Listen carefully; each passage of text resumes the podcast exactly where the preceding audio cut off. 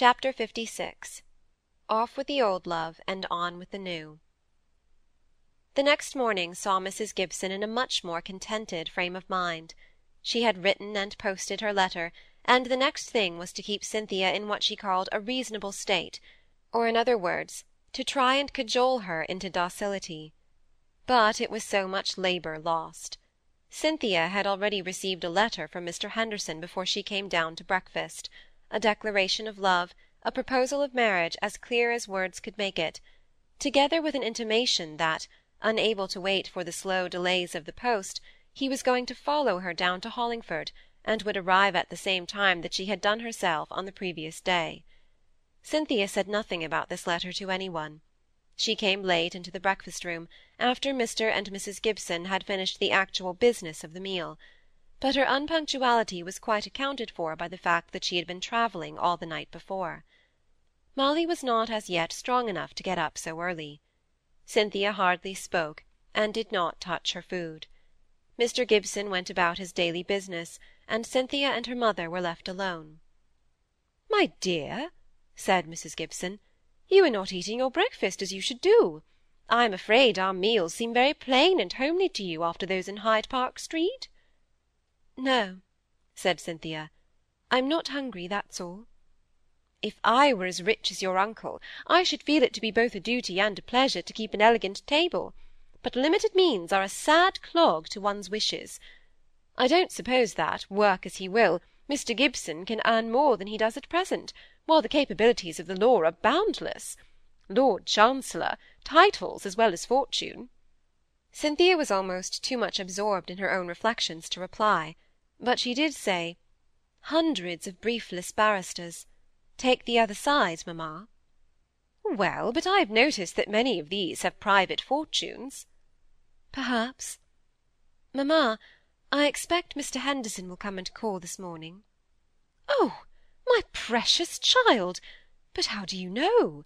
My darling Cynthia, am I to congratulate you?" "No. I suppose I must tell you. I have had a letter this morning from him, and he's coming down by the Umpire to-day." "But has he offered? He surely must mean to offer at any rate." Cynthia played with her teaspoon before she replied; then she looked up, like one startled from a dream, and caught the echo of her mother's question. "Offered? Yes, I suppose he has."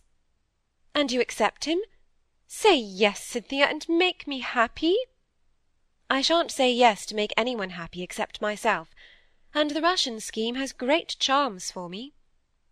She said this to plague her mother, and lessen Mrs. Gibson's exuberance of joy, it must be confessed, for her mind was pretty well made up.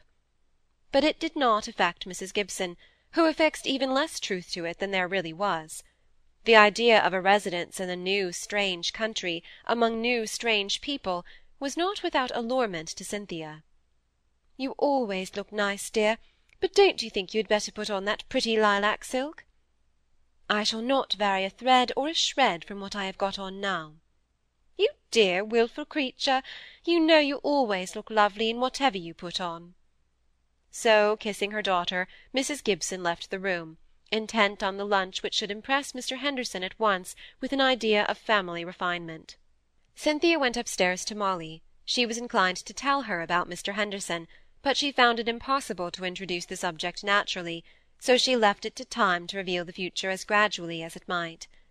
Molly was tired with a bad night, and her father, in his flying visit to his darling before going out, had advised her to stay upstairs for the greater part of the morning, and to keep quiet in her own room till after her early dinner, so time had not a fair chance of telling her what he had in store in his budget.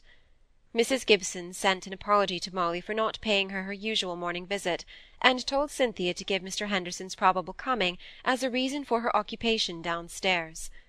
But Cynthia did no such thing. She kissed Molly, and sat silently by her, holding her hand, till at length she jumped up and said, "You shall be left alone now, little one. I want you to be very well and very bright this afternoon, so rest now." And Cynthia left her and went to her own room, locked the door, and began to think. Some one was thinking about her at the same time, and it was not Mr. Henderson. Roger had heard from Mr. Gibson that Cynthia had come home, and he was resolving to go to her at once, and have one strong, manly attempt to overcome the obstacles, whatever they might be, and of their nature he was not fully aware, that she had conjured up against the continuance of their relation to each other. He had left his father, he left them all, and went off into the woods, to be alone until the time came when he might mount his horse and ride over to put his fate to the touch. He was as careful as ever not to interfere with the morning hours that were tabooed to him of old, but waiting was very hard work when he knew that she was so near, and the time so near at hand. Yet he rode slowly, compelling himself to quietness and patience, when he was once really on the way to her. "Mrs. Gibson at home? Miss Kirkpatrick?" He asked of the servant Maria, who opened the door. She was confused, but he did not notice it. "I think so. I'm not sure. Will you walk up into the drawing-room, sir? Miss Gibson is there, I know." So he went upstairs, all his nerves on the strain for the coming interview with Cynthia. It was either a relief or a disappointment, he was not sure which, to find only Molly in the room. Molly half lying on the couch in the bow window which commanded the garden, draped in soft white drapery, very white herself, and a laced half-handkerchief tied over her head to save her from any ill effects of the air that blew in through the open window. He was so ready to speak to Cynthia that he hardly knew what to say to any one else. "I'm afraid you are not so well," he said to Molly, who sat up to receive him, and who suddenly began to tremble with emotion. "I'm a little tired, that's all," said she; and then she was quite silent, hoping that he might go, and yet somehow wishing him to stay but he took a chair and placed it near her, opposite to the window. He thought that surely Maria would tell Miss Kirkpatrick that she was wanted, and that at any moment he might hear her light quick footstep on the stairs. He felt he ought to talk, but he could not think of anything to say. The pink flush came out on Molly's cheeks; once or twice she was on the point of speaking, but again she thought better of it, and the pauses between their faint disjointed remarks became longer and longer. Suddenly, in one of these pauses, the merry murmur of distant happy voices in the garden came nearer and nearer. Molly looked more and more uneasy and flushed, and in spite of herself kept watching Roger's face. He could see over her into the garden. A sudden deep colour overspread him, as if his heart had sent its blood out coursing at full gallop. Cynthia and Mr. Henderson had come in sight, he eagerly talking to her as he bent forward to look into her face. She, her looks half averted in pretty shyness, was evidently coquetting about some flowers, which she either would not give or would not take. Just then, for the lovers had emerged from the shrubbery into comparatively public life, Maria was approaching. Apparently she had feminine tact enough to induce Cynthia to leave her present admirer, and to go a few steps to meet her to receive the whispered message that Mr. Roger Hamley was there and wished to speak to her. Roger could see her startled gesture, she turned back to say something to Mr. Henderson before coming towards the house. Now Roger spoke to Molly, spoke hurriedly, spoke hoarsely. "Molly, tell me, is it too late for me to speak to Cynthia? I came on purpose. Who is that man?" "Mr. Henderson. He only came to-day, but now he is her accepted lover. Oh, Roger, forgive me the pain!"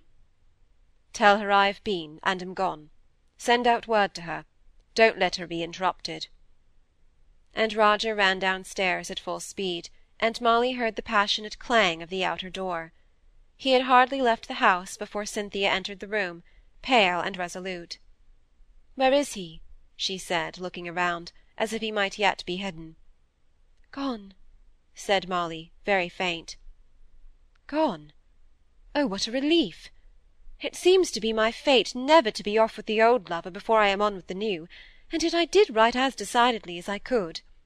Why, Molly, what's the matter?" For now Molly had fainted away utterly. Cynthia flew to the bell, summoned Maria, water, salts, wine, anything, and as soon as Molly, gasping and miserable, became conscious again, she wrote a little pencil note to Mr. Henderson, bidding him return to the George, whence he had come in the morning, and saying that if he obeyed her at once, he might be allowed to call again in the evening, otherwise she would not see him till the next day. This she sent down by Maria, and the unlucky man never believed but that it was Miss Gibson's sudden indisposition in the first instance that had deprived him of his charmer's company. He comforted himself for the long solitary afternoon by writing to tell all his friends of his happiness, and amongst them uncle and aunt Kirkpatrick, who received his letter by the same post as that discreet epistle of Mrs. Gibson's, which she had carefully arranged to reveal as much as she wished, and no more. Was he very terrible?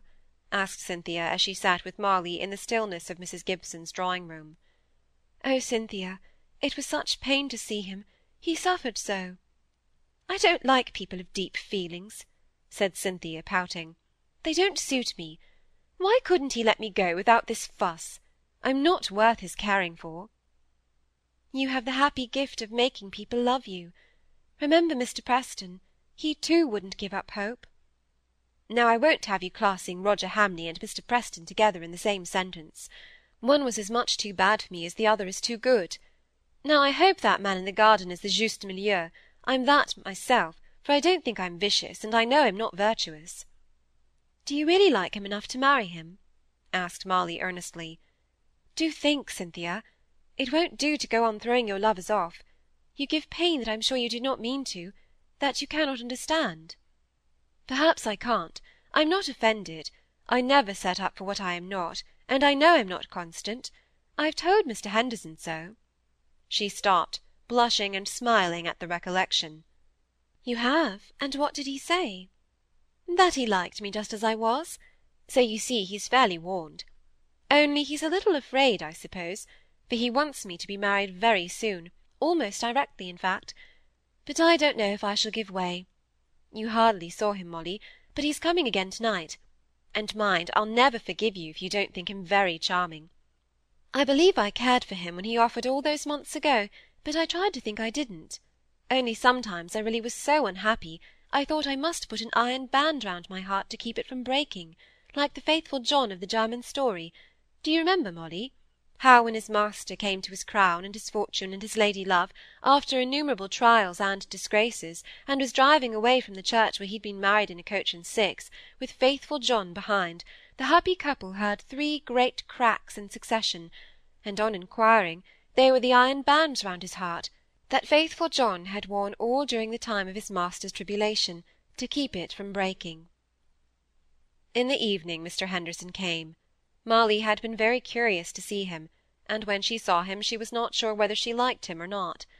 He was handsome without being conceited, gentlemanly without being foolishly fine. He talked easily, and never said a silly thing. He was perfectly well appointed, yet never seemed to have given a thought to his dress. He was good-tempered and kind, not without some of the cheerful flippancy of repartee which belonged to his age and profession, and which his age and profession are apt to take for wit but he wanted something in Molly's eyes. At any rate, in this first interview, and in her heart of hearts, she thought him rather commonplace. But of course she said nothing of this to Cynthia, who was evidently as happy as she could be. Mrs. Gibson, too, was in the seventh heaven of ecstasy, and spoke but little. But what she did say expressed the highest sentiments in the finest language. Mr. Gibson was not with them for long, but while he was there he was evidently studying the unconscious Mr. Henderson with his dark penetrating eyes.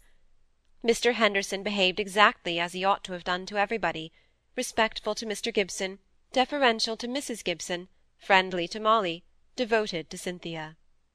The next time Mr. Gibson found Molly alone, he began, "Well, and how do you like the new relation that is to be?"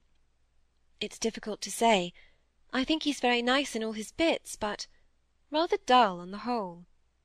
I think him perfection, said Mr. Gibson, to Molly's surprise, but in an instant afterwards she saw that he had been speaking ironically. He went on.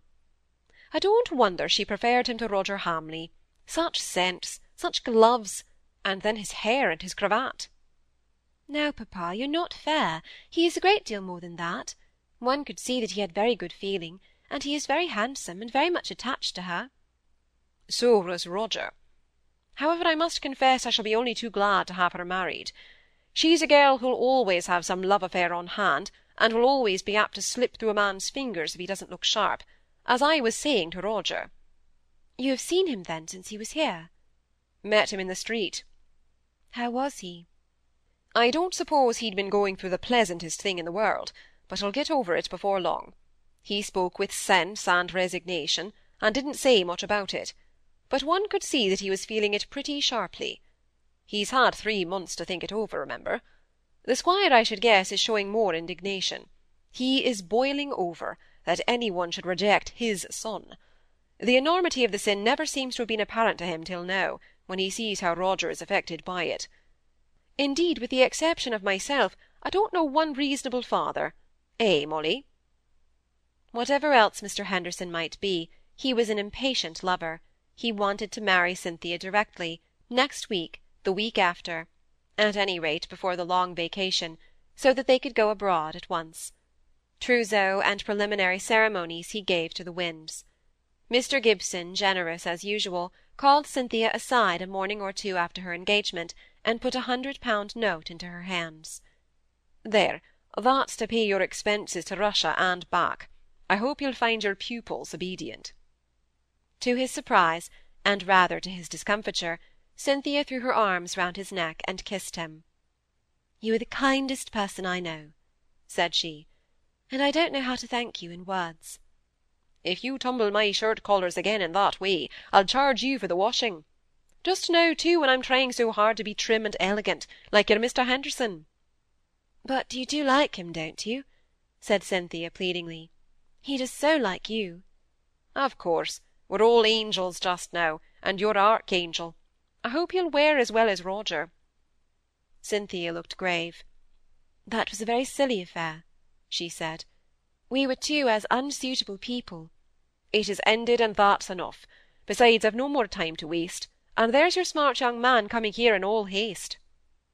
Mr. and Mrs. Kirkpatrick sent all manner of congratulations, and Mrs. Gibson, in a private letter, assured Mrs. Kirkpatrick that her ill-timed confidence about Roger should be considered as quite private; for as soon as Mr. Henderson had made his appearance in Hollingford, she had written a second letter, entreating them not to allude to anything she might have said in her first which she said was written in such excitement on discovering the real state of her daughter's affections, that she had hardly known what she had said, and had exaggerated some things, and misunderstood others; all that she did know was, that Mr. Henderson had just proposed to Cynthia and was accepted, and that they were as happy as the day was long, and excuse the vanity of a mother made a most lovely couple.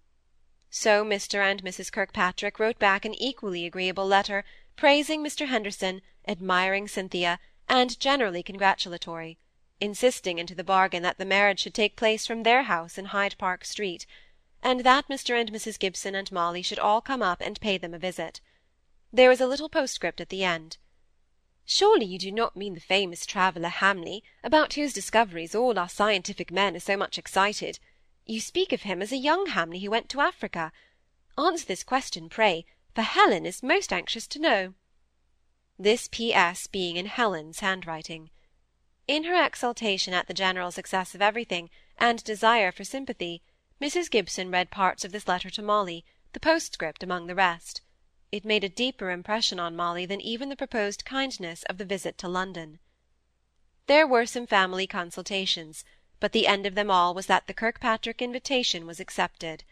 There were many small reasons for this which were openly acknowledged, but there was one general and unspoken wish to have the ceremony performed out of the immediate neighbourhood of the two men whom Cynthia had previously rejected, and that was the word now to be applied to her treatment of them. So Molly was ordered and enjoined and entreated to become as strong as possible, in order that her health might not prevent her attending the marriage. Mr. Gibson himself, though he thought it his duty to damp the exultant anticipations of his wife and her daughter, being not at all averse to the prospect of going to London, and seeing half a dozen old friends, and many scientific exhibitions, independently of the very fair amount of liking which he had for his host, Mr. Kirkpatrick himself.